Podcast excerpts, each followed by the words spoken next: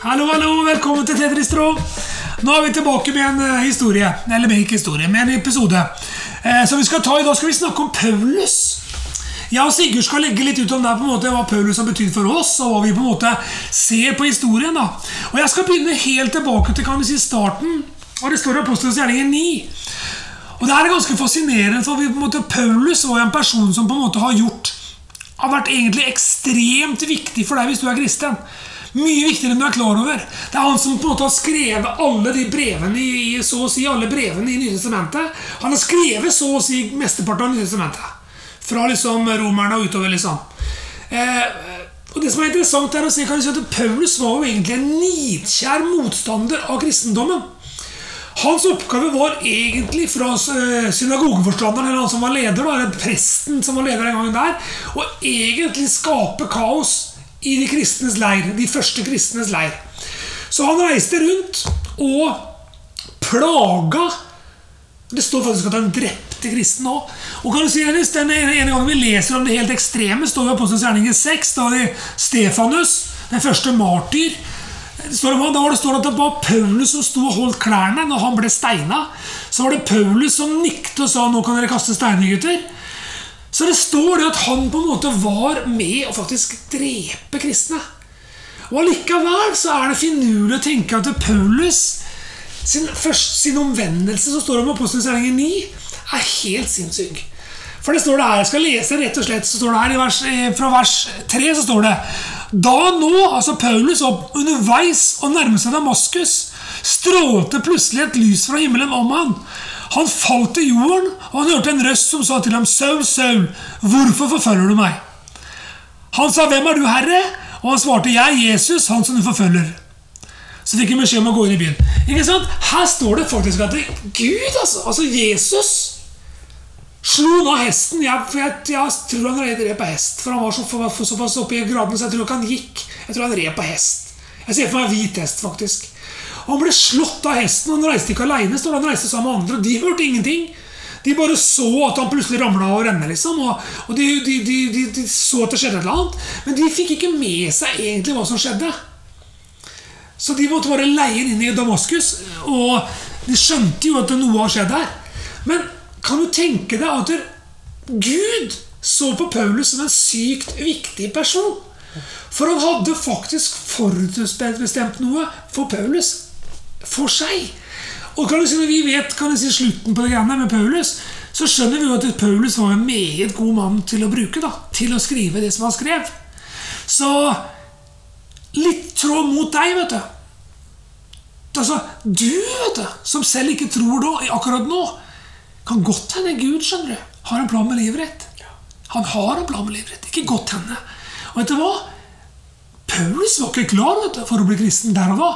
Men For han var på vei til Damaskus for å fengsle kristne. Men han ble slått av hesten. Kanskje det ble slått av hesten. Eller kasta av bussen. Nei, det blir ikke det, vet du. Men du, blir, du kanskje får et møte med Gud i dagene som kommer etter den historien der. Det er mulig. Så Sigurd, kan du si, skal du fortsette litt? Paulus, spennende kar. Absolutt.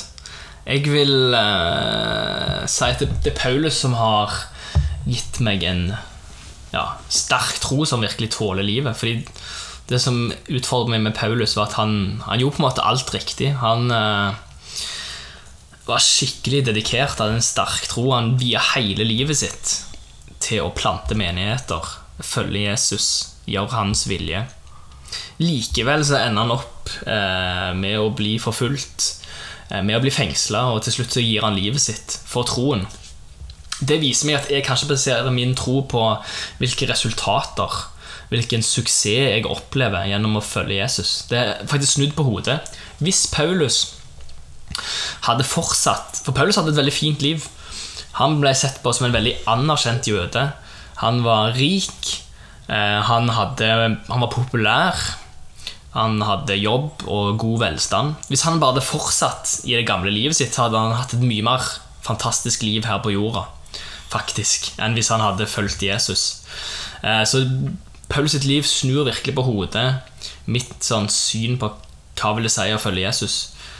Eh, det jeg tenker, og jeg begrunner det ut fra Paulus sitt liv, er at faktisk så tror jeg at, å følge Jesus er ikke det enkleste livet på jorda. Hvis du vil ha et enkelt, problemfritt liv, eh, så bør du faktisk ikke følge Jesus. Eh, det fins bedre måter å bruke tida si på jorda hvis det som er viktig for deg, er rikdom og popularitet og komfort. Eh, for de tingene får du Får det kanskje, men du får det kanskje ikke hos Jesus. Så dette hjelper meg i at Og Paulus, Paulus, sier jo det at alt det han hadde før, det regner han som tap. Hvis han sammenligner det med å kjenne Jesus, så er det større enn alt det han hadde. Og det er sånn wow. Det er sterkt, altså.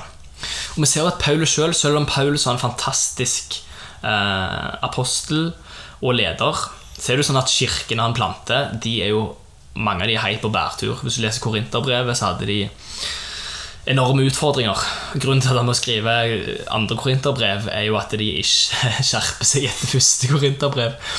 Så det hjelper meg som Ja, jeg er jo en Jeg har valgt å liksom, være en kristen leder, og jeg kan ofte være eh, skuffa over at arbeidet jeg leder, eller mennesker jeg leder, eh, ikke går den veien jeg ønsker. Og hvis jeg kan oppleve at mennesker kan eh, ja, begynne på en god vei i livet, men så Men så ja, så går det ikke så bra, da. Så kan en, skikkelig grave seg ned og tenke ah, er det min feil? Er jeg ikke en god leder? Og En kan virkelig bedømme seg sjøl ut ifra liksom, arbeidet en står i, og hva han får til. Men historien om Paulus viser jo at den aller hvis vi skal måle i hvem som var liksom best å følge Jesus, så tipper jeg Paulus vinner den. Likevel så var det sånn at han planta kirker som ikke fungerte. Så det gir meg skikkelig sånn Og det sier jo Paulus sjøl, at uh, alt er bygd på nåde. Selv om han kan virke som en sånn superapostel, så forstår han at han er bare en helt normal fyr. Mye av det arbeidet han starta, det gikk ikke så bra. Men han legger ikke sin identitet i det, men han bare legger sin identitet i Jesus. Og Paulus har forstått at ansvaret hans og ansvaret ditt, det er ditt eget liv, din egen relasjon med Gud, og hvor trofast du er mot kallet ditt. Så er det sånn at det, det du leder, det du gjør, jobben din, ansvaret ditt, det er først og fremst ikke ditt ansvar. Hva som skjer med det, det er, det er ikke ditt ansvar. Så du trenger faktisk ikke å grave deg ned i grøfta. Du trenger ikke å eh, gi opp når du opplever at eh, de tingene du har ansvar for, de tingene som du prøver å få til i livet, når ikke det går, så kan du likevel beholde verdigheten. Du kan beholde Ja, du kan vite at Jesus ser på deg på, som, på samme måte. Og det tror jeg Hvis du leser om, Paulus, så tror jeg du òg virkelig kan oppleve det. da Du kan lese om Paulus, skal det står veldig mye om apostelens gjerninger. Spesielt der står det om de misjonsreisene han hadde. Og klar å si Det er utrolig fascinerende å lese med en person som fra å ha alt, som Sigurd sa, han var faktisk veldig Jeg er sikker på at foreldrene og familien var ekstremt stolte av Paulus når han hadde den posisjonen han var han var en drabiner. Han var på en måte en som hadde sittet med Gamalies føtter. Han, var på en måte, han hadde vært utdanna på de beste stedene. da. Men likevel så valgte han å forsake det greiene der og snu 180 grader om. Og klart at Han ble jo ikke tatt imot fra de kristne først heller. Han sleit jo med å komme inn blant gutta òg. For dette kan du si, de var jo livredden. Og klart, det kan man jo forstå. altså de sto jo i kategorien når Stefanus ble på en måte steina. De visste jo hvem han var. De hadde jo sett den. ikke sant? Jerusalem var jo ikke så svært. Så de visste jo hvem av den gærningen var. Og når han da plutselig sier at jeg er blitt kristen Bartimeus tror jeg var det som tok ham med. Han, eh, han dro med seg som tok ham under vingene da, fra Damaskus. Han måtte jo flykte fra Damaskus i en kurv ned fra, fra, fra opplegget. Altså, Historien om Paulus er rå. Men i tillegg så er historien helt sinnssyk om en mann som faktisk velger å 100% gå inn for oppgaven. Og kan du si Når jeg leser om Paulus' sine misjonsreiser og leser om hvordan Gud leder ham på ting og tang Altså Han fikk drømmer, han fikk visjoner, han fikk tanker. Altså han, Mennesker kom, profeter kom inn og på en måte fortalte at du kommer til å bli bindt og tatt. Han ga seg ikke allikevel. Det står en profet kom, Agabus kom og sa til ham at du kommer til å bli bindt når du kommer til Rom. Men han reiste til Rom. For det var det Gud hadde sagt. Og så endte det enten faktisk opp i fengsel, og flesteparten av brevene til Paulus er skrevet når han sitter i lenker. Når han sitter egentlig ufri i et rom. Og allikevel så merker vi det når han skriver til forskjellige menighetene som han har vært i. Og som Sigurd sa, det var ikke perfekte menigheter når vi ser tilbake på dem. Men han hadde tro på mennesker. Paulus hadde tro på folk som var yngre enn seg sjøl, eller folk som på en måte Gud hadde gitt den. da. Og det må du også lære deg av Paulus. Altså, Du har ikke ansvar for menneskers liv, men du har ansvar for å finne noen og gi noe over til. Paulus sier jo det. vet du, 'Følg meg, sånn som jeg følger Kristus'. Der er Paulus helt syk. Altså, Han var helt syk, Kristusfokusert. Drevet av oppgaven. Vet du hva, Jeg elsker det! Han hadde passion. Passion for at evangeliet skulle ut overalt. Og hvis du ser på de misjonsreisene hans Jeg tror det står bak i Bibelen. Hvis du har en bibel, så kan du ble bak i Bibelen, så står det der hvor han reiste og sånn. Husk på at han gikk til fots, da. Han var ingen mann som på en måte bare satte seg inn i Jaguaren sin, liksom. Eller satte seg inn i liksom, hest med, med kjerra. Nei, han gikk. Og det er fascinerende. Du ser en mann drevet av Gud og Den hellige ånd til å fullføre løpet. Han, ble jo, han, ble jo, han var jo død to ganger òg. Hvis du leser den lista som jeg Paulus nevner opp, om hva han har gått igjennom Piskeslag, fengsel, død, steining Den er lang, altså. Men allikevel så reiser han seg på en måte opp og rister altså støv og går videre og gjør neste ting. Fascinerende kar. Altså, du må lese Apostels gjerninger om frimodigheten til Paulus innenfor til og med sånne enorme personer som kong Agrippa. Ikke sant? Altså han, han fikk jo beskjed om at han skulle tale for, for store personer. Og når han står foran kong Agrippa, så er han sinnssykt frimodig. Så står det det var like før kong Agrippa ble frelst. Da. Like før han tok imot Jesus. Så vet du hva? Paulus, hvis du skal ha et forbilde, hvis du skal ha én i livet ditt som du skal se opp til, som ikke er Jesus, og som, som er i Bibelen, som du kan lese svart på hvitt om Begynn å lese om Paulus. Les brevene. Galaterbrevet. Kampskriftet mot loven. Altså, Det er fantastiske ting. Altså, Du er helt nødt. Han sier det i Galaterne 2,20. Jeg lever ikke lenger selv. Det livet jeg nå lever, lever jeg i troen på Jesus. Og vet du hva, Det er noe med det der oppgitte livet, da. Og det der å se på alt som skrap, og det å på en måte fullføre løpet som Paulus gjorde. Jeg, jeg kjenner jeg blir inspirert av Paulus. Paulus er sinnssyk dedikert til oppgaven. Og jeg mener jeg legger, jeg legger faktisk vekt på ordet sinnssyk. Altså, det er ikke mange som han i Bibelen, men altså, han er en av de store. og det eh, Jeg gleder meg til å sitte i himmelen sammen med Paulus og spørre åssen det faktisk var. Når de satt inne i fengselet. ikke sant? Innerste fangehula hadde fått beskjed av Gud i et syn på natta kom over og hjelp oss til Makedonia. Og da sitter de reiser til Makedonia og blir fengsla. Og de sitter der og tenker Nå synger vi, Silas. Det er ikke logisk, vet du. Det er ikke logisk. Det var ikke fengsel sånn som i dag. Det var ikke Halden fengsel med TV på rommet. Det var liksom rotter og drit og møk og lukta fælt. Og der satt de og så sang de lovsanger til Gud. Og så kom Guds nærvær, og alle fangene ble løst. Jeg å fortelle Jeg skal ha den historien med, med Paulus rundt bålet i himmelen. Jeg gleder meg til det. Spørre åssen var det faktisk. For jeg har jo en, en, en, idé der om hvorfor begynte han å synge. da For jeg tror han da tenkte tilbake på Stefanus. Når han sto der med klærne på Stefanus og sa 'steinen', så tror jeg han så Stefanus sin opplevelse av å se himmelen. da Når han sto der og var i ferd med å dø, så står det at Stefanus løftet sine øyne til himmelen og sa 'Her er jeg, Gud. Ta meg hjem'. Jeg er helt sikker på at Paulus fikk et blikk inn i det når han satt i fengsel og tenkte dette her er en Stefanus-øyeblikk. Nå må jeg gjøre det jeg har sett. Det jeg har lært. Så Paulus er en kanonkar altså, som var smart. Ekstremt intelligent, men veldig dedikert til oppgaven. Så følg etter Kristus. Følg etter meg som jeg følger etter Kristus. Det burde bli en sånn tankevekker for alle oss kristne. Så elsker Paulus. Så Apostelens gjerninger 9 og utover så står det om Paulus, så mye om Paulus, spesielt på slutten av Apostelens gjerninger, fra kapittel 16 og utover. Eh, Les det. Og brevene. Fantastisk. Det, det er så mye gull. Så Sigurd, har du noen avslutningsord? Ja, jeg tenkte å lese noen vers eh, eh, som er virkelig er fundamentet i mitt liv. Som jeg tror er um, kanskje litt av grunnen til at Paulus klarer å komme seg gjennom alt som han kommer seg gjennom. I 1. Korinterbrev 7, eh, fra vers 20, så står det Enhver skal være i det kall som han var i da han ble kalt.